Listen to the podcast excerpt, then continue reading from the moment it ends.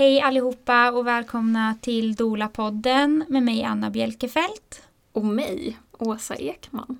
Så himla kul att äntligen vara tillbaks och podda. Eh, idag ska vi prata om dig Åsa. Ja. Dig och din eh, förlossningsberättelse. Mm. Som eh, vi ska ha ett samtal kring. Så att det blir inte en, ett traditionellt avsnitt där eh, Åsa berättar och jag försöker vara tyst. Eh, jag brukar inte vara så bra på det. Jag säger alltid så här, men jag låter den som är här prata och sen lyssnar jag på avsnitten och bara, ja, jag pratar ganska mycket. Men idag har jag tänkt att vi ska ha ett samtal kring eh, upplevelsen när du födde din dotter. Mm. Mm. Precis. Men vill du börja Åsa och berätta lite om eh, vem du är? Eh, ja, det kan jag göra. Eh, jag heter Åsa. Jag bor i Järfälla, här utanför Stockholm. Där bor jag tillsammans med min man. Eh, och vi har tre tjejer. Eh, jag har fött en utav dem. Men eh, de är ju de är stora nu, Mm. så de hänger inte så mycket med oss längre. Så det har ju också gett mig utrymme att göra annat. Mm. Som att dola till Mm. exempel, som jag har börjat med. Eh, som jag har längtat efter länge. Mm, så det har jag eh, börjat med och har, har samarbetat. Vi samarbetar ju också nu. Ja, sedan en Åsa tid är ju en, eh, vårt nyaste tillskott i Dola-gruppen så att det känns Mm. ju självklart att du skulle få presentera dig lite. Mm. Mm. Så det gör jag. Ehm, jag har ju också eh, drivit ett eget eh, sedan flera år tillbaka. Eh, och där eh, gör jag också lite andra saker. Till exempel så utbildar jag och föreläser och coachar i privatekonomi. Hjälper framförallt kvinnor att komma igång och investera lite mer. Så drivs där av ekonomisk jämställdhet. Mm. Eh, Så det har jag gjort under, under flera år. Ehm, Men framförallt så, ja, så det är det och dolandet som är min eh, huvudsakliga syssla nu framåt. Mm. Så det känns superroligt. Och du gick min och Susannas doula-utbildning eh, förra hösten Ja, det gjorde Mm. jag. Mm. och har kommit igång jättebra att dola vilket eh, glädjer oss som kursledare. Ja, det är så himla roligt. Mm. Ja, det är Verkligen. så kul. Eh, Så jag har dolat sen, ja, sen förra året egentligen, sen, Mm. vi, sen eh, jag blev färdig med utbildningen. Mm. Mm. Och håller på att certifiera dig nu också. Ja, det gör jag. Det är grymt. Mm. Jättekul. Okej, då Mm. tänker jag att vi börjar lite eh, från början. Eh, svårt att bestämma vad som var din början, men om vi tänker graviditeten kanske? Mm. Jag, blev ju, jag blev ju gravid eh, och mamma som ganska ung beroende på vad, hur man ser på det. Men jag var eh, jag hann fylla 23 eh, när jag födde. Eh, så att, men graviditeten, så jag älskade att vara gravid. Jag kände mig så redo. Jag kände mig inte för ung. Nej. Men jag fick ju möta ganska mycket av det, både från omgivningen och ja, men så här, kände mig lite klappad på huvudet Mm. eh, emellanåt. Att vad visste jag? Men eh, jag, jag älskade att vara gravid och jag tyckte det var så härligt. Jag mådde så bra. Eh, jag tror ju också att det hjälper till att jag var så ung. Kroppen är ju aldrig så bra som Nej. den är i, i 20-årsåldern. Nej. Så att det, jag, hade, jag, hade ing, jag hade inte ont någonstans.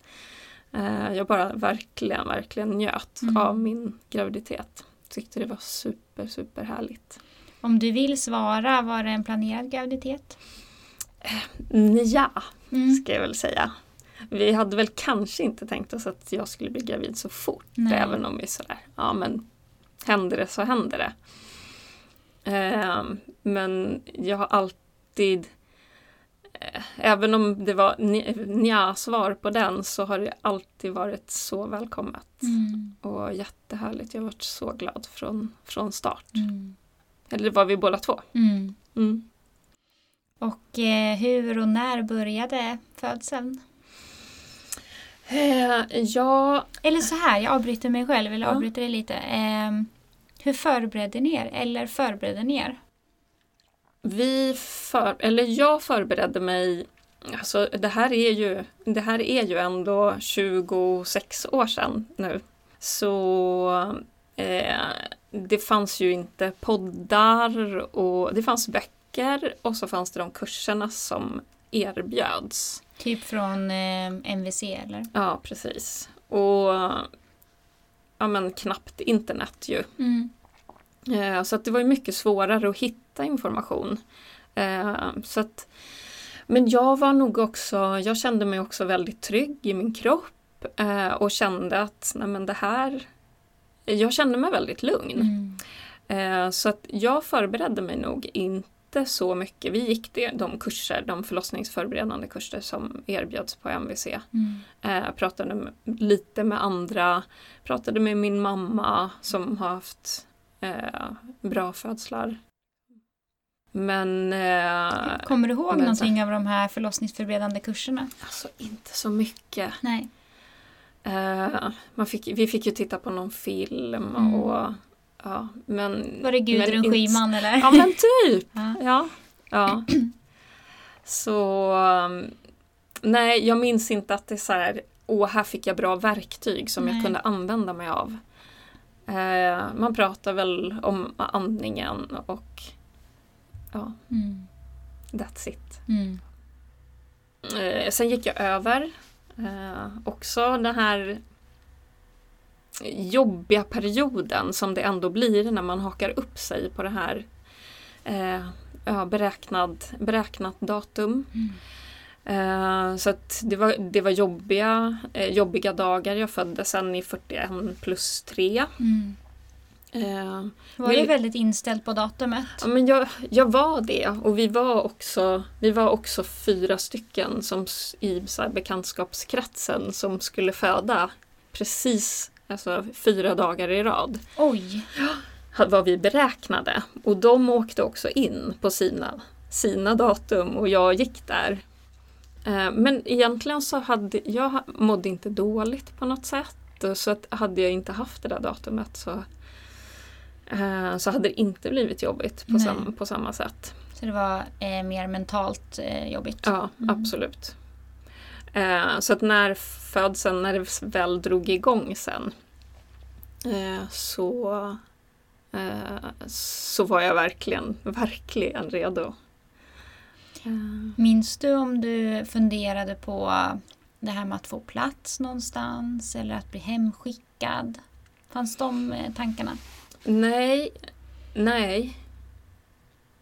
Nej, det var jag aldrig orolig över. Nej. Eh, jag hade ju, för jag hade också en kollega som, som hade fött eh, hemma. Mm. Och det hade jag kunnat tänka mig.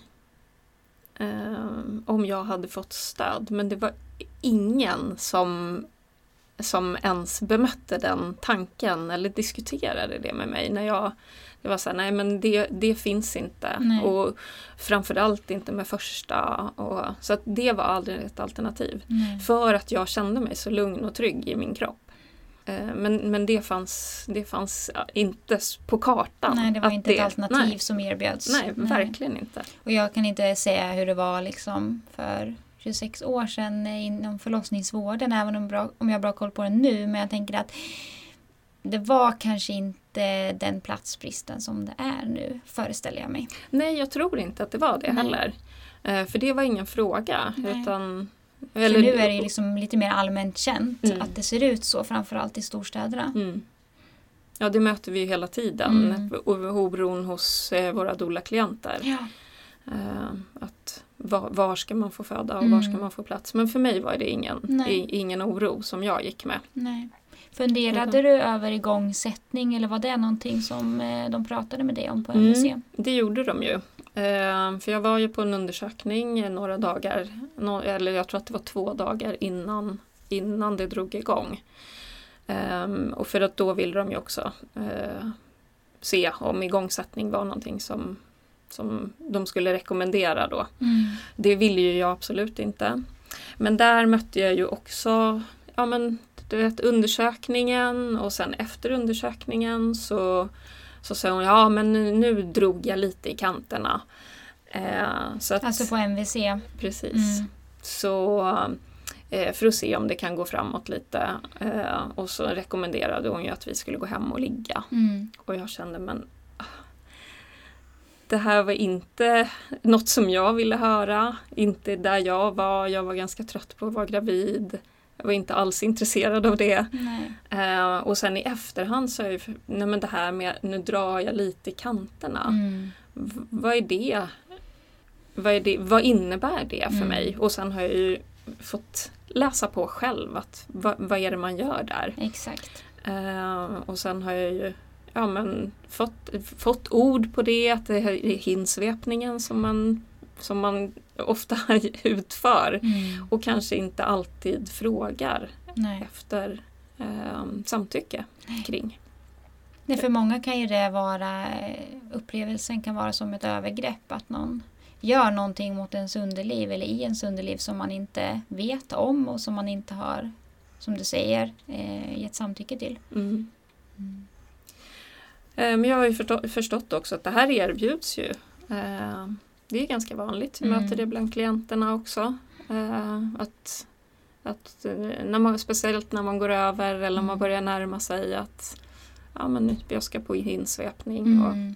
Och, och man har ju sett att upprepade hinsvepningar minskar risken för medicinsk igångsättning. Och eftersom man också har börjat sätta igång fler och fler kvinnor eh, på egentligen inte så stark medicinsk grund så är det ändå i många fall ett bättre alternativ. Men återigen handlar det om att inhämta samtycke och informera om vad det innebär. Och man har alltid rätt att tacka nej. Mm. För vissa eh, gör det inte ont men vissa upplever att det är väldigt smärtsamt. Ja. Och sen tänker jag också på att hon tyckte att ni skulle gå hem och ligga. Att det är ju mm. inte ett medicinskt råd och eh, idag är det väl ändå relativt eh, hårt det här att man inte som utbildad sjukvårdspersonal får ge några råd som inte liksom, finns evidens för. Eh, och eh, sex är faktiskt, det finns ingen evidens för att det skulle starta förlossningen. Så att, mm. Ganska oproffsigt enligt mm. mig. Mm. Ja, jag, min upplevelse var ju precis den att jag kände att vad, vad, vad menar hon? Mm. Eh, och vad ska jag göra med det här mm. i, i, i det skedet som mm. jag var i. Och många kan ju också bli så här, men varför ska vi gå hem och ligga? Man kanske mm. inte ens förstår varför, man ska, mm. varför de säger så. Det blir mm. väldigt konstigt att någon går in och pratar om en sexliv helt plötsligt. När de precis har liksom varit där inne. Så vad hände? Ja, sen så, ja, ett par dagar senare så eh, först så gick eh, slemproppen. Mm. Det var mitt första tecken. Men det kan ju fortfarande vara en bit kvar. Mm. Eh, men eh, dagen efter på förmiddagen där sen så började verkarna. Mm. Och då kände jag verkligen att nu är det verkar. Eh, men jag kände mig jättelugn, jag var hemma, jag hade sovit på natten. Eh, så att jag kände mig ja, men så här, taggad och glad. Mm. Och kände att jag hanterade verkarna och vi var ute och gick. Och, nej, men så här, dagen gick och det var skönt att vara hemma. Och, och ni var tillsammans då? Mm.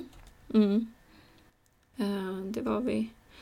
Och sen mot kvällen så började det ta i lite mer men jag kände fortfarande att det var så här hanterbart och tyckte att det fortfarande att det var skönt att vara hemma och jag badade och vilade och åt. Och, um, men sen när det började tätna, när verkarna tätnade så kände jag att nej men nu vill jag nog i alla fall höra om jag ska komma in.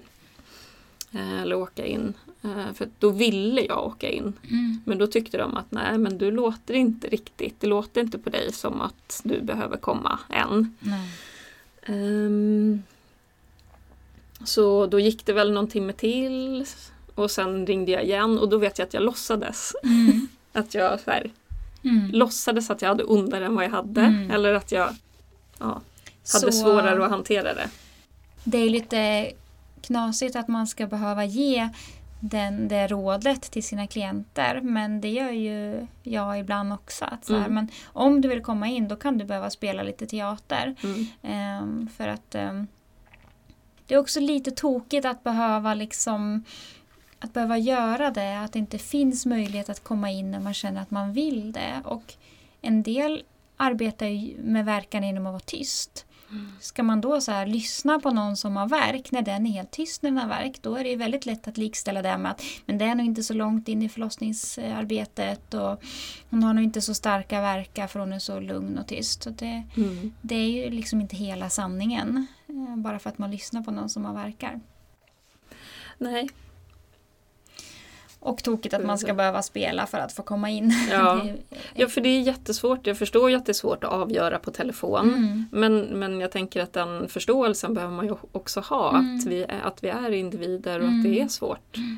Återigen, Så- som jag pratat mycket om, så handlar det också om att vården behöver ha de resurserna att ta emot alla Mm. oavsett om de är en centimeter eller fyra centimeter. Mm. Mm. Men eh, sen mot kvällen i alla fall eh, vid ja, halv nio på kvällen ungefär eh, så åkte vi in. Och då upplevde jag ändå ja, men så att det var skönt och jag, jag blev emottagen. Eh, eh, och eh, de satte i CTG då och undersökte mig. Mm. Och det, det kändes ändå bra. Mm. Jag kände att nu vill jag veta vad jag är Mm. och att bebisen mår bra och jag kände mig lugn i det. Sådär. Mm. Jag var uppe sju centimeter när jag Mm. kom in och de sa att det här går ju jättefint och du Mm. jobbar jättebra. Och, eh, då på KS hade man någonting som hette lätt förlossningsrum. Mm. Eh, så jag, jag fick ett sånt och där fanns det också badkar så jag tyckte det var jättemysigt så jag hoppade direkt i badet och fortsatte. Och, Mm. Ehm, och så här, timmarna gick och jag jobbade på. Och sen till slut så kommer de ju och tycker att nej men nu går det nog inte riktigt tillräckligt fort framåt. Och under, var det att de undersökte igen och konstaterade det? Eller? Ja. ja. Ehm, trots att det gick framåt. Mm. Ehm, och ju mer, alltså, när jag har så här, eh, gått igenom förloppet i efterhand så har jag, alltså, jag har ju, det har gått framåt, jag kräktes och alltså, alla de här tecknen som, Mm. som vi ändå och indikationerna vi ändå får på att det går framåt. Mm. Ehm, så det första som de ville göra då var ju att eh, ta hål på innorna Mm. för att vattnet skulle gå. Mm. Eh, så det gjorde de. Ehm, Minns du Och om det- du fick det som en fråga? Inte som en fråga utan mer att det här, nu gör vi det här för Mm. att det ska gå framåt. Och, och eftersom jag hade så lite förberedelser och inte så mycket kunskap om de här olika åtgärderna eh, så visste inte jag riktigt heller vad, vad, om vi inte gör det här, vad händer då? Vad ska vi Mm. göra då? Och finns finns det något annat som vi kan göra? Mm. Eh, och vad, vad innebär det Mm. om vi gör det? Det är också så svårt och ja, som, som du vet och som vi pratar med klienterna om hela tiden, att det är så svårt att, eh, att ta in det här och vad det innebär när man är i verkarbetet. Ja, Allt det här, det är därför det är så viktigt att ta ställning till alla de här sakerna i förväg. Att, Mm. vad innebär det här? Eh, vad innebär att ta hål på hinnorna? Eh, Vad kan det leda till och så vidare? Ja, och Mm. vad, varför man inte behöver göra det Ja. också. Så att man kan ta, så att man redan innan har tagit de här, gjort de här besluten Mm. och kanske bara behöver förhålla sig till att okej, ska vi eller ska vi inte? Mm. Ja, för även om man får eh, liksom en barnmorska som kan berätta om för och nackdelar och alternativ och allt det här så är det ju som du säger svårt att ta ställning när man är i ett verkarbete. Man är Mm. öppen liksom 7 cm så har man ofta väldigt eh, täta starka verkar Mm. och då är det väldigt korta pauser där man kan liksom lyssna och sen ska man då koppla på den delen av hjärnan som gör att man kan liksom fatta bra Mm. beslut. Det är ett ganska effektivt sätt att också stanna av verkarbetet. Att eh, få kvinnan att fatta beslut och Mm. liksom ta in information och svara på frågor. Och det är ju precis där, någonstans där som jag upplevde att nu började det. Mm. Eh, nu började det stanna av. Eller att det egentligen inte gick eh, så mycket framåt Nej. som, som de hade önskat. Nej. det gick ändå framåt. Eh, Men jag tror att här startade också min oro. Mm. Att aha, det, är det kommer inte bli en lätt förlossning Mm. utan att jag kommer behöva hjälp och var, vad beror det på? Och hela det här tvivlet började i mig. Mm. Eh, precis i den här eh, ja, men egentligen första, första eh, interventionen som Mm. gjordes. Mm. Och det är så eh, skadligt och så onödigt många gånger och så sorgligt att liksom det här ska få kvinnor att tvivla på det som de är födda att göra. Det som deras kroppar vet hur de ska göra. Att, att man börjar tvivla på den kunskapen och tilltron. Mm. Så med fina ord, beklagligt. Ja, ja, och det har jag ju själv här, förstått i efterhand. Och också, och, och också har jag ju sådär lagt skulden på mig själv. Mm. Att varför, inte, varför hade inte jag läst på mer Mm. och varför hade inte jag förberett mig mer? Mm. Vilket, ja, nu har jag ju så här eh, gjort hela läkningsresan och, Mm. eh, och, och kommit eh, ja, men kommit till ro med det egentligen. Mm. Att jag, jag gjorde det bästa jag kunde utifrån Mm. de förutsättningar som jag hade. Mm. Ehm, men sen, ja men jag fick ju jobba vidare. Ehm, och alltså, jag upplevde ju verkarna som, som starka. Vattnet bara forsade ju vid varje verk. Ja. Och, men, ehm, men att man sen efter några timmar ändå tyckte att nej men det vi behöver nog trycka på lite här och man pratade om att jag var verksvag. Och, Eh, Och då, jag har ju läst, läst min, eh, i min journal i efterhand att, eh, för då ville de ju sätta verkstimulerande dropp för att trycka på. Eh, Och då, då står det i min journal att, att då vill jag ha, eh, Åsa vill ha EDA, Mm. står det då, att jag vill Mm. ha en epidural. Eh, Men då vet jag att jag frågade eh, kring verkstimulerande och ja, men hur, hur blir de verkan och kommer det upplevas annorlunda och vad kan det här innebära för mig? Eh, eh, för jag hade hört just om verkstimulerande att då kan det bli jobbigt. Mm. Att verkarna kan bli annorlunda. Och, så då blev jag också orolig. Mm. Och därför sa jag att nej, men då, då vill jag nog ha en epidural. Om, Mm. ska ni göra det, då vill jag ha en epidural. Mm. Och det är också så vanligt. Och det är Mm. många som säger att jag vill undvika verkstimulerande men om det behövs eller om de vill sätta det och jag går med på det så jag, kommer jag också vilja ha en epidural. Mm. För att många förstår att verkarna ofta blir tätare och starkare och liksom skarpare på ett annat sätt. Mm. Och det vill inte jag, vill inte jag Nej. uppleva. Eh, så ehm, Men epi, epiduralen tog väldigt bra. Mm. ehm, så att jag fick vila. Kommer du ihåg status då, liksom, eh, var du befann dig eh, i förlossningsarbetet? Ja men då, jag var ju, eh, som de beskrev det för mig, så eh, gick jag från 7 till 10 Mm. eh, centimeter öppen. Eh, men sen hände det inte så mycket mer. Nej. Är det, är sådär, det är den förklaringen som Mm. jag fick Mm. längs vägen. Mm. Så att det var där som de ville hjälpa till och, Mm. och trycka på.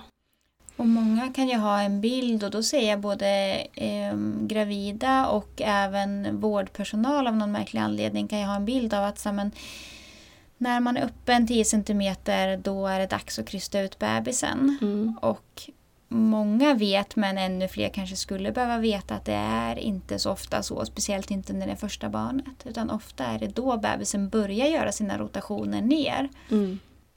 Och att det kan ta väldigt lång tid i vissa fall. Och Mm. ibland lite snabbare. Men med första barnet kan man ju ändå räkna med att det är liksom generellt några timmar i alla fall. Mm.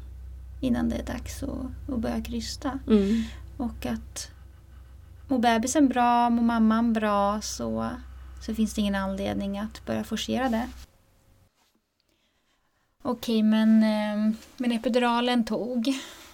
Du blev smärtlindrad. Ja, absolut. Mm. Så att nu fick jag ju också vila. Jag, trodde, jag somnade till och med. Mm. Eh, men nu blev jag ju också ganska passiv. Mm.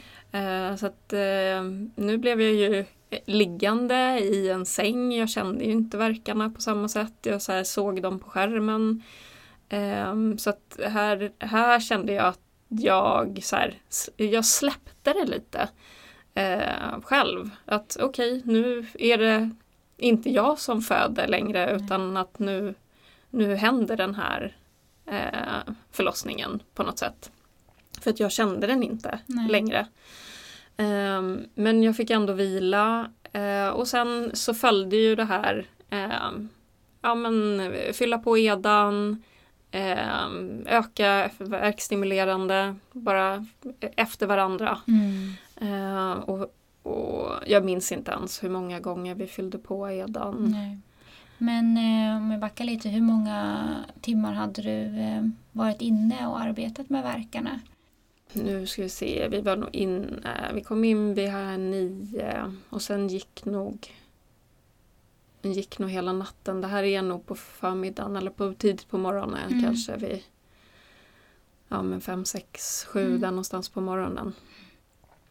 Så... Det är ju heller inte helt ovanligt att um, man öppnar sig liksom i olika takter. Man ska säga att, man, att det kan gå väldigt snabbt i början och sen lite långsammare i slutet mm. eller tvärtom. Mm. Men det, fin- har liksom inte riktigt, eller det finns inte riktigt något utrymme för individuell cervixöppning. Nej.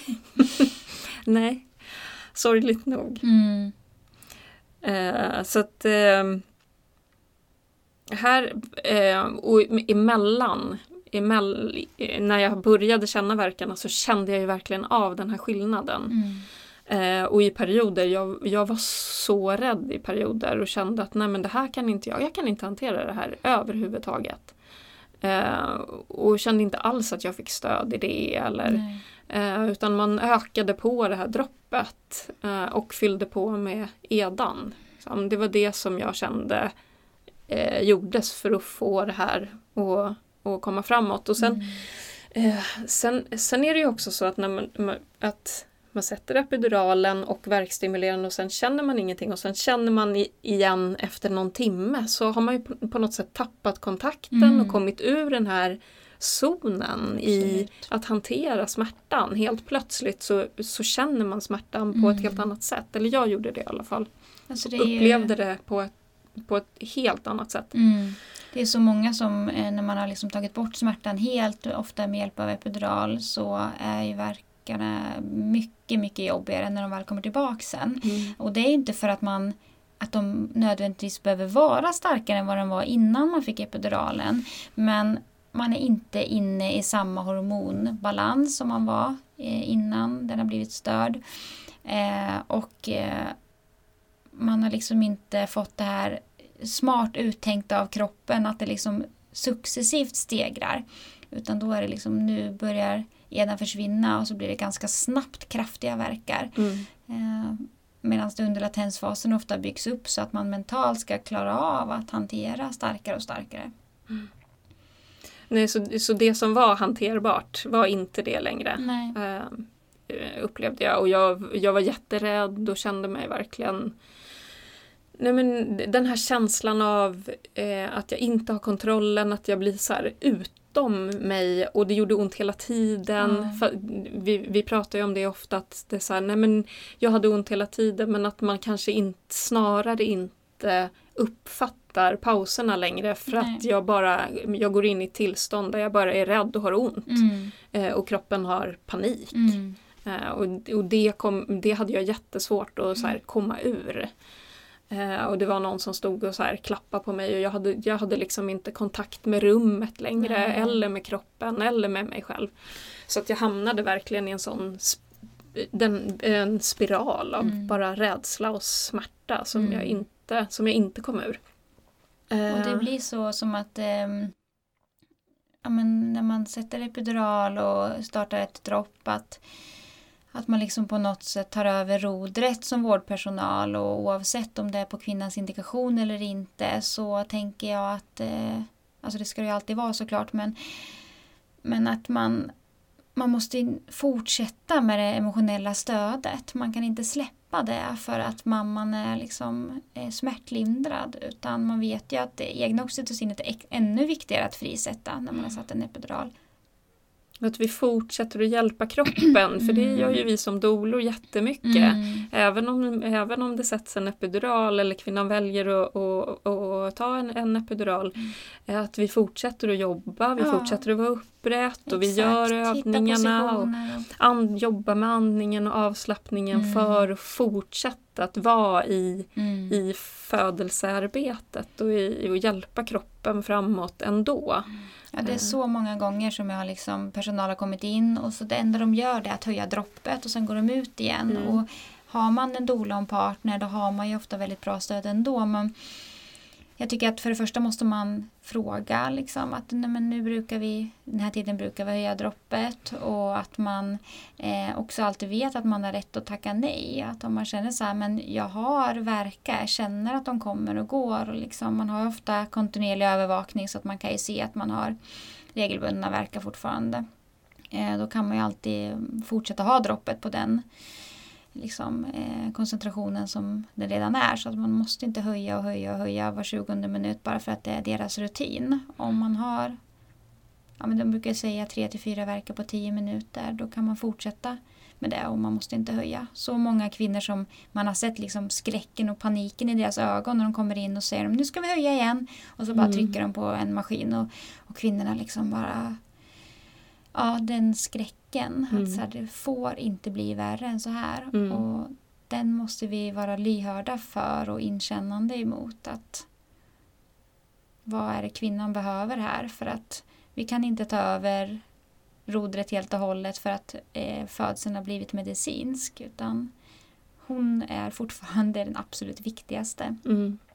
Och att skapa förutsättningar för henne att föda är ju att göra, gör man genom att hjälpa henne bli trygg. Ja, Ja, trygg kände jag mig inte. nej. Nej, inte, inte när det hade kommit, eh, gått så här långt i alla fall. Så att nu var ju jag i läge bara att nu vill jag bara att det här ska vara över. Nu gör vad som helst. Härifrån så är det ju också så här dimmigt. Mm. Liksom. Jag har ju ingen, ingen kontakt med rummet och knappt mig själv. Eh, så att här, jag vet också att här, här någonstans så kom förlossningsläkaren. Nu, nu är vi ju så här kring lunch. Ehm, jag tror att vi är 11-12 någonstans och då vet jag att de börjar prata om eh, med förlossningsläkaren att vad, vad ska vi göra? Det, det går inte framåt här. Mm.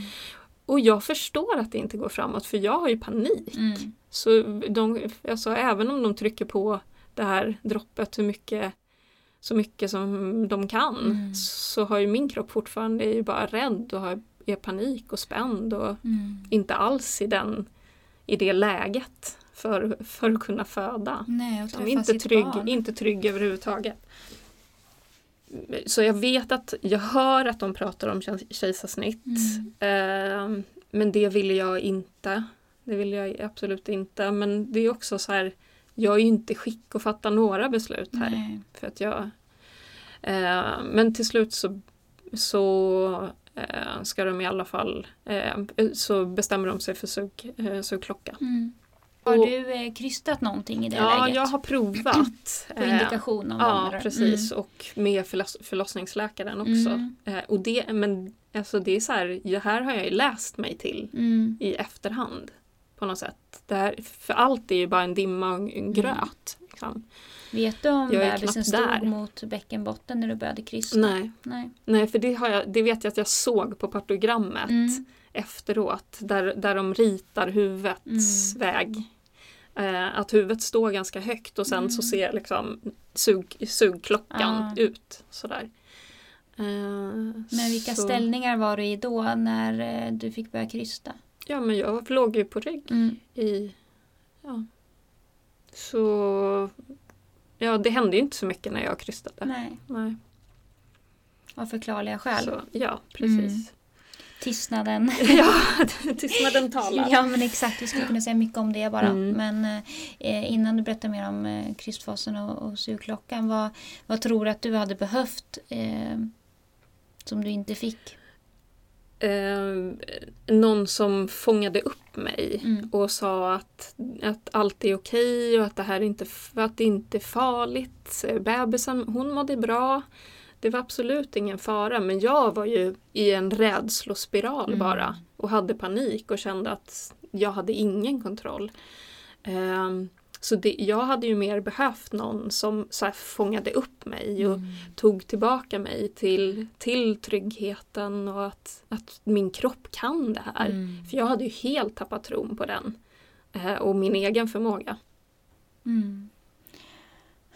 Och jag tänker att den spiralen, det går inte att ta sig ur den själv när man är inne i den. Att liksom gå till stress och rädsla kan man ju med vissa verktyg om man har tränat jättemycket ta, hjälpa sig själv att ta sig tillbaks. Men i en spiral, i den liksom, om man talar som en spiral om någonting som bara blir värre och värre och fortsätter så Mm. det går inte. Det behöver man någon som grundar en och fångar tillbaks en. Nu, Var det- var din här- partner? Jo men han liksom- var ju där hela tiden Mm. också men blir ju också rädd i Såklart. det här. Eh, Alltså, han hade ju heller aldrig varit med om det här och hur gör man det här Mm. och hur, hur stöttar man någon i, i, i det här Mm. och vad, vad behöver man? Vad behöver en kvinna i det här, Ja. i det här läget? Han, han var ju också utlämnad och Mm. hade ju också behövt stöd i att stötta mig. Så att eh, det, det finns mycket som hade kunnat göras för, för att hjälpa den situationen i, Mm. i just i det emotionella stödet. Mm. För det, det medicinska, ja de var ju där och som jag upplevde gjorde massa saker. Mm. Ehm, men det var inte så många som tog hand om mig, Nej. var ju upplevelsen, eller oss, Nej. i, i hela den här situationen. För det är också orimligt att liksom partnern, speciellt om det är första födseln, ska veta hur och vad och när man ska göra saker. Mm. Och vad som behövs och vad som är normalt. Och, Mm. Och det blir, och det blir en jättestor osäkerhet Mm. där också och det vet ju vi när vi träffar för det är ju många omföderskor som kommer till oss och Mm. inte vill vara med om det här igen, Ja. en, en liknande upplevelse och, och där partnern också har fått bearbeta väldigt mycket Mm. eh, och också dras med rädslor och oro inför en andra gång. mm. Ehm, så att eh, som partner kan man ju behöver man ju också förbereda sig väldigt Mm. mycket för att förstå vad, vilket stöd man kan vara och, Mm. eh, och hur man kan göra i sådana situationer. Mm. Nu önskar vi ja, ju ingen det här. Nej. Alltså att, att, man, att man kan förebygga och, och komma långt så att man Mm. slipper uppleva just det här. Mm. Det är ju, det är ju såklart det bästa. Mm. Och det är liksom som det har diskuterats en, en del eh, senaste veckorna här men att eh, det handlar ju inte om att eh, föda på ett visst sätt eller att eh, lyckas eller att det bästa är att föda eh, inom citationstecken naturligt och vi använder inte det ordet utan vi använder ju fysiologiskt eh, vilket innebär utan medicinsk inblandning. Eh, utan det handlar ju om oavsett vad som händer så är stöd det absolut viktigaste. För då Mm. kan det hända massa olika saker som man inte kan styra över eller som man från början inte ville. Men det behöver inte bli en traumatisk upplevelse. Och eh, som sagt, det handlar inte om att lyckas eller inte lyckas för de orden kan vi inte använda när vi föder barn, när vi pratar om födande. Mm. Ehm, utan att eh, vi vet vad det finns för risker med eh, att rutiner och interventioner görs utan liksom, att det är förankrat utan eh, tydlig evidens eller anledning. Vad det liksom gör för förloppet och framförallt för upplevelsen som är det som vi jobbar mycket med. Att Mm. upplevelsen ska bli något stärkande och positivt. Ja, och hade jag fått det stödet så hade inte jag haft något problem Nej. här. Då hade jag ju eh, kunnat hantera det här på ett Mm. annat sätt. Tror Mm. jag i alla fall så här i efterhand. Eh, att jag inte blev... Eh, jag kände mig så ensam. Mm. Bara ensam och rädd Mm. i, i, igenom det här, den här smärtan Mm. som jag bara upplevde. Och så ska Mm. ingen födande behöva känna. Ingen. Och jag tänker att min upplevelse är inte helt olik din. ehm, men skillnaden var att att eh, alltså det hände jättemycket grejer som man inte ville. Men jag kände att jag hade jättebra stöd från personalen. Så att även Mm. om det hände massa grejer som jag inte ville och jag skulle vilja ha nästa födelse på ett helt annat sätt och så vidare. Så var det inte en traumatisk upplevelse. Men jag tror upplevelsen behöver inte bli att, den, att, det, Nej, upplevs, exakt. att det upplevs som Nej. något negativt. Nej. För jag, jag var ändå eh, Ja visst, jag litade på min kropp och hade Mm. väl en önskan men jag, jag hade inget motstånd eller kände inte att eh, att jag var sämre Nej. eller jag la liksom ingen värdering i det och gör Nej. fortfarande inte det. Ehm, och jag känner fortfarande att jag födde mitt barn Mm. men, men hade jag fått, ett bet- fått bättre stöd Mm. längs vägen så hade min upplevelse blivit en helt Mm. annan. Och jag kände liksom Mm. att jag hade jättebra stöd men jag kan ändå titta på olika saker som hände som gjorde att om jag hade fått ett, liksom, eh, ett annat typ av stöd och en annan typ av tilltro till mig själv då hade de här sakerna inte ens behövt hända. Mm. Eh, så att stödet gjorde mig trygg och att jag inte blev traumatiserad av någonting som skulle kunna vara potentiellt traumatiserande. Eh, men andra förutsättningar och rätt typ av stöd för just mig hade nog till och med kunnat göra Mm. att man kunde undvika sugklocka till exempel. Mm. Mm. Och förberedelse på ett annat sätt. Ja, ja och där, jag känner ju likadant. Mm. Eh, att hade jag, hade jag andra, andra förutsättningar och, och mer förberedelse Mm. så hade det nog sett annorlunda ut. Mm. Så krystfasen. Mm. Alltså, för mig är det ju bara enorm smärta där de vrider, vrider upp eh, eh, verkstimulerande och drar. Liksom. Och jag är knappt med. Jag vet att förlossningsläkaren, bara att han, jag vet att jag ligger i sängen och han kommer in och har så här förkle och gummistövlar på sig. Mm. Jag vet, jag vet alltså, och jag vet att jag så här, vad är det här? Mm. Vad är det som händer? Bara, bara det var så här, Gud, ja, den bilden. ja, det var, ja Mm. den, den sitter verkligen. Ja. Och jag vet att han så här, till slut skriker till mig att du måste hjälpa till. För Mm. att jag har helt överlämnat mig Ja. på något sätt. Så att eh, jag är inte kvar. Eh, utan det här bara, det här bara görs. Mm. Eh, men till slut, men då han, han höjer rösten till mig och säger att du måste hjälpa till. Och då på något sätt eh, vaknar jag till och hjälper till. Mm. Och sen, sen föds hon ju. Men det är ju sugklocka och det är klipp och, och enorm, enorm smärta Mm. som eh, jag inte kunde hantera överhuvudtaget. Nej. Ehm, men sen är hon ju där liksom, och jag får upp henne och hon mår bra. Så rutinen är att de, eh, som det ser ut nu i alla fall, att man klipper navelsträngen direkt eh, och går iväg med bebis. Eller direkt, men efter någon minut och går Eh. iväg med bebisen. Gick de iväg med henne? Nej, nej, det gjorde de ju inte. Det, det var, när jag menar klipp så var det ju mig de klippte. Mm. Ehm, eh, vilket, eh, vilket ju fortfarande är vanligt med Ja. vid sugklocka. Ehm, så, men jag får upp henne på magen så att mm, hon, hon ligger på mitt bröst eh, eh, ett tag. Men Mm. sen, vill, sen eh, klipper de navelsträngen och vill gå iväg med henne. Mm. För att ja, de, ville, de behövde suga ut slem och ja. Så då blev jag ju ensam. Mm. Och Och, hur var de den stunden? ja, men det, är, det, är, alltså det är ju så hemskt Mm. efter den upplevelsen. Och, eh, jag vet ju att min, min, jag sa ju åt min partner också att du går med, med henne. Liksom, så att då blev jag själv där. Eh, men det är också en sån här eh, period efter där det är så här, nej men det, det görs så mycket i rummet. Mm. Eh, och jag ska sys och det, det förbereds för det och man tänder lamporna och det sa eh, det, det är en sån omvälvande stund och sån konstig situation. Och sen dessutom är inte min bebis där. Så det är bara jätte, jättekonstigt. Det blir så omänskliggöra den födande också. Att liksom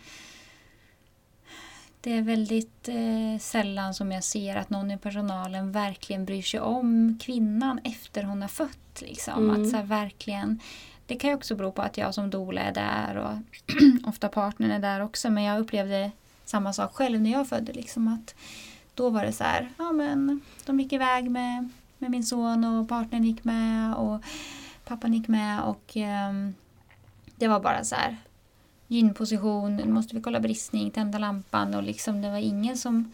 Där hade man ju behövt en bamsekram och någon som bara Mm. liksom lät en liksom vara nära och tröstade och liksom Mm. bara gud vad fantastiskt du är som gjorde det här och Mm. ditt barn kommer tillbaka snart och liksom men det var bara så man ligger där som en liksom, det blir så omänskligt. Mm. Man var liksom i sin ensamma lilla bubbla där Ja, uppe vid huvudet på något sätt och sen var Mm. kroppen någon annans Ja. som någon skulle fixa. verkligen. Så den känslan känner jag Mm. igen. Ehm, ja, men och jag var ju bara också så här i det här läget så kände, var jag så glad att jag har överlevt Mm. och eh, att hon har överlevt och eh, att smärtan är över. Ja. För där tar ju smärtan slut. Mm. Eller gjorde den för mig För i alla fall. mm. Mm. Vet du hur länge Mm. de är borta? Nej. Nej. Nej, det vet jag inte. Hur är det när eh, de kommer tillbaks? Nej men då får jag ju ändå ha henne och hon, nej men hon mår ju bra. Mm. Som, och hon ligger på bröstet. Och, men det är också det här, hon ligger på bröstet och de syr. Mm. Som, det är det är mycket som pågår samtidigt Mm. som anknytning ska ske. Och, ja, men hon söker bröstet och ja, men allt det där fina. Mm. Liksom, och, ja, men, och vi får ju så här, möta henne. Mm. Mm. Och så här, förstå att vi har blivit en familj. Mm. Bara det. Medans, ja, medans massa annat pågår i, Mm. i rummet. Sådär. Mm. Och jag ryser, det är en så speciell stund. Ja, verkligen. Så, så unik. Och den kan jag... Eh, när jag är i födelserummet så, så här, har, har man upplevt den här så blir man så ödmjuk inför, inför den här stunden. Och bara... ehm, som dola brukar jag bara så här backa undan och sitta i ett hörn och så här bara ta in, ta in allt det stora som Mm. faktiskt händer i den, i den stunden. Det är Mm. så, så fint att se. Och så kan man liksom Mm. få blickar av mamman eller partnern som liksom bara man kan bara bekräfta, uppmuntra, bara Mm. le och nicka liksom att Mm. jag fattar. Mm. Grymt jobbat. Att Mm. man liksom med sin närvaro och sin blick och sin, sitt leende kan bara betrygga liksom att Ja. ni gjorde det här. Mm. Ja, så då är det ju, då är det ju ändå klart. Och, Mm. Och moderkakan Mm. kommer och alltså, jag, vet, jag vet inte. nej. Jag, jag, det vet jag ingenting om. Och det är inget som står i journalen. Eller, ehm, Du minns inte att du krystade ut den? nej, Nej. nej, det gör jag inte. Så Du får inte se den. jo, jag vet Mm. att de håller upp den så här. Mm. Eh, och bara, här är den. Mm. Mm. Det vet jag. Men eh, inte mer. Jag minns Nej. inte mer. Du kanske inte behövde krysta ut den. Kanske Så kan jag. kom genom drag och liksom så. Mm. Mm. Nej, jag vet ingenting. Jag hade heller ingen, inga egna tankar om, eh, om den eller om eh, som vi pratar med, med, om, med, med avnavling och det Mm. hade jag inga tankar om själv. Nej. Jag tycker så här att nu är det ju liksom ändå att man ska praktisera sig en avnavling och då är det 3 till 5 minuter vilket är eh, lite ironiskt men en annan, ett annat avsnitt. Ehm, men att ehm, jag ser fortfarande bilder liksom på Instagram från eh, sjukhus i, i Stockholm liksom när man ser att eh, ja, de har fotat så här när partnern kanske klipper navelsträngen och så bara men zooma lite men vänta lite nu den här navelsträngen är inte Vit. vit och slapp. Nej. Jag ser ändå det typ var och varannan dag tycker jag. Ja. Och jag kan liksom, jag får verkligen liksom sätta mig på mina händer för att inte skriva bara men varför, eh, va- varför Ja. klipper ni redan typ? Ja. För att man, man vill inte skamma någon liksom men jag tycker att det här är vårdpersonalens liksom skyldighet Mm. att inte klipp, att ingen navelsträng klipps innan den är vit och slapp. Det är liksom inte så här där kan man inte lämna föräldrarna att liksom riktigt bestämma Mm. det. För att de kanske inte har den informationen. Nej. För det är inte föräldrarnas blod, det är bebisens blod. Och Mm. bebisarna måste vi liksom skydda, Mm. ta hand om och Mm. hjälpa mm, för att må så bra som möjligt. Mm. Men det, eh, så det här var ju ingenting som Nej. man pratade om. Nej. Eh, inte då, eh, inte Nej. i min, mina kretsar eller eh, varken på eh, förberedande kurs eller, Nej. eller Men då. det var ju inte det, så himla många år sedan som man ändå ansåg att tidig avnavling var det bästa. Ja, Det är liksom inte ja. så många år sedan Nej. så det kanske pratades om att det är viktigt att klippa tidigt. ja. För att bebisen inte ska få för mycket blod. Nej. Gud förbanne. ja. Ehm, men efteråt då, hur mådde du liksom första dagarna, första veckorna? Eh, nej men jag mådde ändå rätt okej. Jag var så himla glad att hon var här. Och, jag hade jätteont och var, var lite chockad över hur ont jag hade. Men ja, det berodde ju mycket på klipp. Det var Eh, liksom lokalt, inte efterverkar? Nej. Nej. Nej, precis. Utan efter, efter klippet och den här enorma tyngden Mm. eh, som, som man egentligen inte heller pratade med mig Nej. om. Att, att du är klippt och då är det ännu viktigare med, eh, med återhämtningen och att du tar det lugnt. Mm. Eh, för jag vet att jag så här, ehm, att jag var ute. Jag var, jag var utanför huset så här, bara några dagar efter och jag kom ju inte långt förrän jag bara Nej men jag kan inte gå. Liksom. Det, här, det här går inte för att det tryckte för mycket. Ja.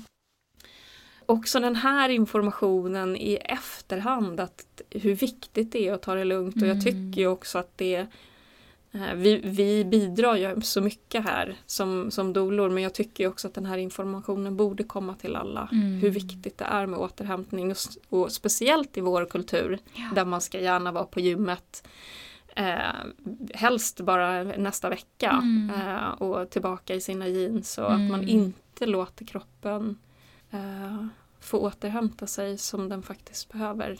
Nej, man nästan liksom eh, förkastar postpartumkroppen. Ja. Att det är så här, Mm.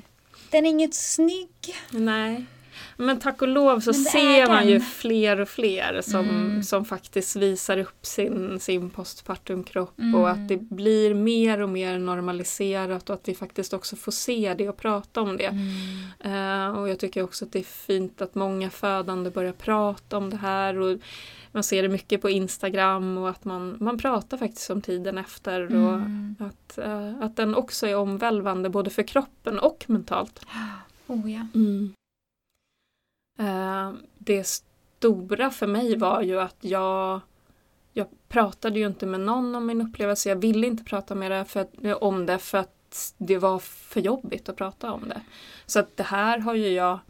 Det tog så många år för mig att bearbeta det här. Mm. Plus att det bidrog till att det här gör jag aldrig om. Jag har fött ett barn. Och jag, eftersom det har tagit så lång tid för mig att läka hela upplevelsen och förstå vad som hände och att, att det inte bara handlade om mig och att jag inte kunde föda utan att det kanske handlade om andra saker och att jag inte fick det bästa stödet eller de bästa förutsättningarna och också att, att en del ansvar på mig också.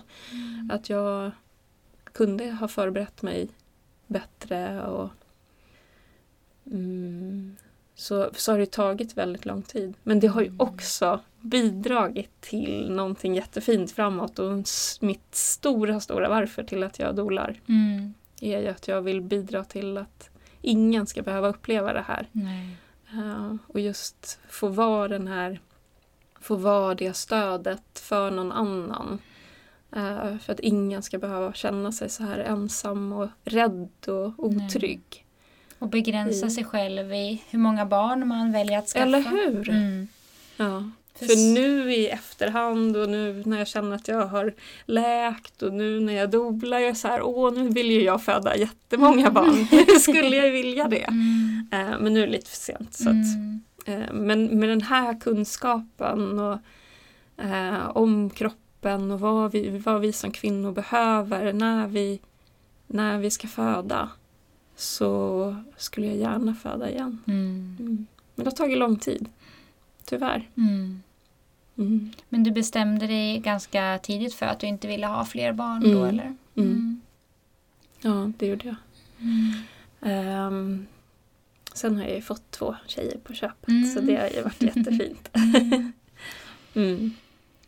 Ja, alltså man hör ju, eller jag hör ju många berättelser som är liksom lik din berättelse. Och det är ju som du säger, det är någonting som driver en att, att stötta ännu fler och nå ut ännu mer. Mm. Och jag tänker på alla de som inte har råd att ha en dola. Eh, och jag ska säga så här att alla har, som bor där det finns en dola, alltså jag skulle säga nästan alla har möjlighet att ha en dola. För att det finns nyutbildade som tar gratisuppdrag eller väldigt lite betalt. Det finns också olika sätt att liksom avbetala, eh, använda friskvårdsbidrag och så vidare. Så att Dola är inte per definition en lyxtjänst på något sätt eller bara för de som har pengar. Utan det finns nästan, ja, men, det finns en dola för nästan alla som har möjlighet. Men om man tänker att man bor på ett ställe där det inte finns någon dola eller där det är Mm. väldigt, väldigt långt eller där alla doler som finns är upptagna.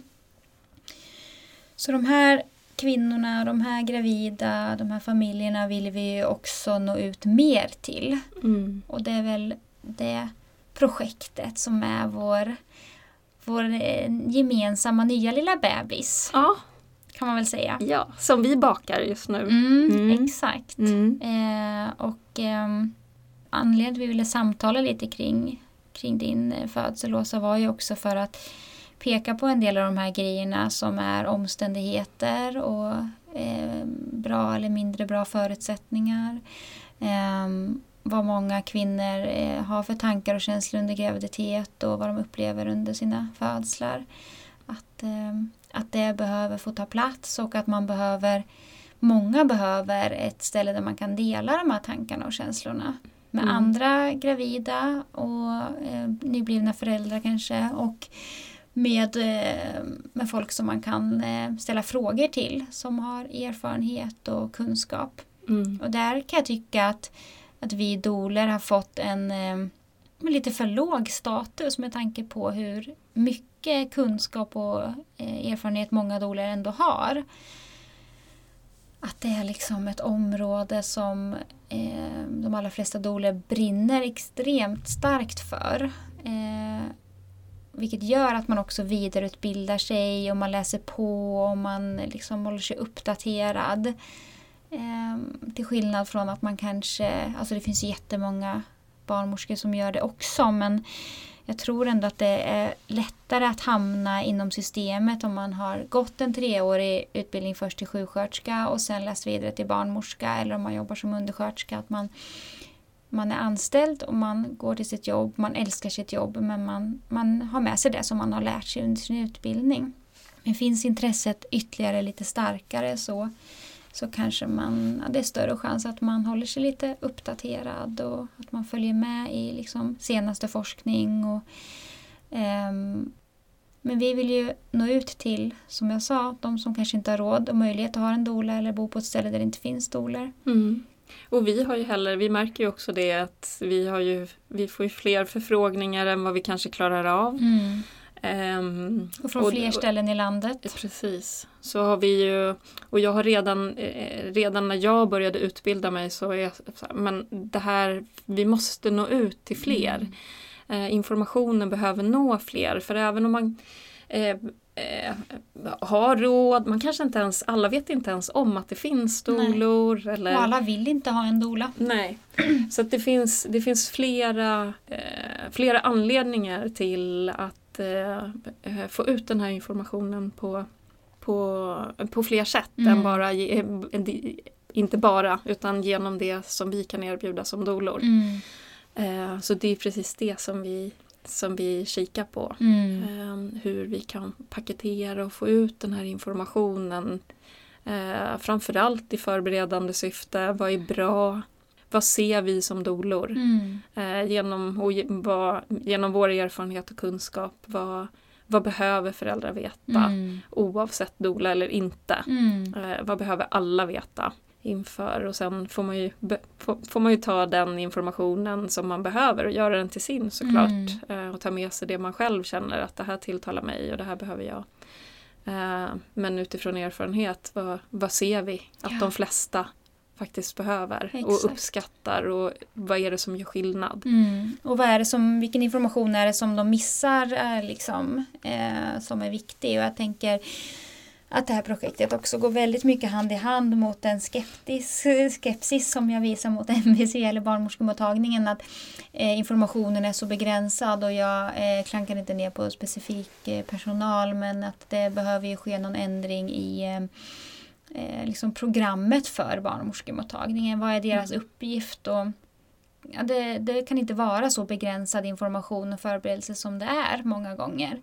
Utan att eh, en stor del av det här projektet handlar också om eh, att få information om vad man har för rättigheter. Mm. Varför ska rättigheter hållas undan för en födande kvinna bara, eller en födande bara för att hon är en födande som ska in i ett mm. system. Um, så det handlar ju jättemycket om att stärka eh, gravida, födande familjer mm. eh, så mycket det bara går. Och att eh, de ska känna att, eh, att de har rätten på sin sida att tacka nej till saker och tacka ja till saker och välja eh, vattenfödsel eller vad det nu kan vara. Mm. För det är fortfarande så många som bara Får jag? Får jag? Får jag? Det är mm. en så vanlig fråga. Mm. Eh, och svaret är ja på den. Ja. Du får. Ja, de här medvetna valen som mm. vi pratar om hela tiden. Att informera sig så att man kan göra de medvetna valen. Mm. Vad innebär olika saker? Mm. Och det handlar ju inte om att liksom vi ska gå in på någon slags eh, medicinsk eh, kunskapsnivå och eh, se åt andra vad de ska göra. Eh, utan att man får information att så här, här finns tio olika hemsidor att läsa om navelsträngsprover till exempel. Mm. Så att man verkligen själv kan bilda sin uppfattning. Okej, okay, men mm. vad är för och nackdelar och vad vill jag och vad känns rätt för mig? Mm. Um, så att det inte blir så enkelriktad information mm. eh, eller begränsad. Så projektet som vi håller på med nu är ju en medlemstjänst för mm. eh, gravida och eh, till viss del också för de som nyligen har fött barn.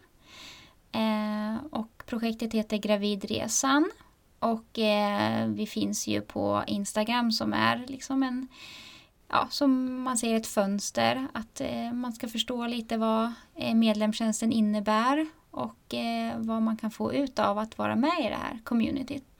Vi delar ju också mycket information där ja, eh, om vad vi tycker att, eh, eh, att man ska förbereda sig kring. Mm. Och, eh, vill ju gärna diskutera med, eh, med följarna där såklart. Också mm. vad som behövs för vi behöver ju också hjälpas åt. Det blir ju sam I en medlemstjänst så blir det mycket samskapande. Mm. Uh, utifrån behov, de behoven som finns. Dels vad vi ser men sen dyker det alltid upp nya, mm. nya behov. Sen finns vi också på gravidresan.nu eh, där vi bygger tjänsten. Eh, där, eh, där kan man ju bara anmäla sitt intresse än så länge. Mm. Uh, så det, det kan man ju också göra, där hittar man oss. Mm. För det blir en helt digital tjänst. Mm. Men ändå med mycket interaktion och träffar och mm. annat. Bra! Mm. Det är så roligt projekt att hålla på med och jag bara längtar efter att se det här växa. Mm. Och se vad det kan bli och se hur många fler det kan hjälpa. Mm. För även om man kan känna så här, ja men jag har stöttat fler än hundra familjer så bara men hur många är vi i Sverige och ja. hur många är det som föder som barn behövs. varje år? Mm. Det är liksom Ja, vi behöver nå många, många fler. Mm. Eh, och det kan vi göra, bara göra, för vi har ju bara ett antal timmar du och jag också. Mm. Så att vi kan ju bara göra det om vi gör det digitalt. Mm, precis. Mm. Så kika in på kanske våran Instagram gravidresan.nu eller direkt in på hemsidan som är eh, på gång, den här medlemstjänsten. Mm. Tack snälla Åsa för att du ville berätta din förlossningsupplevelse. Mm, tack för att vi fick ett samtal kring det. Mm. Mm, jättefint.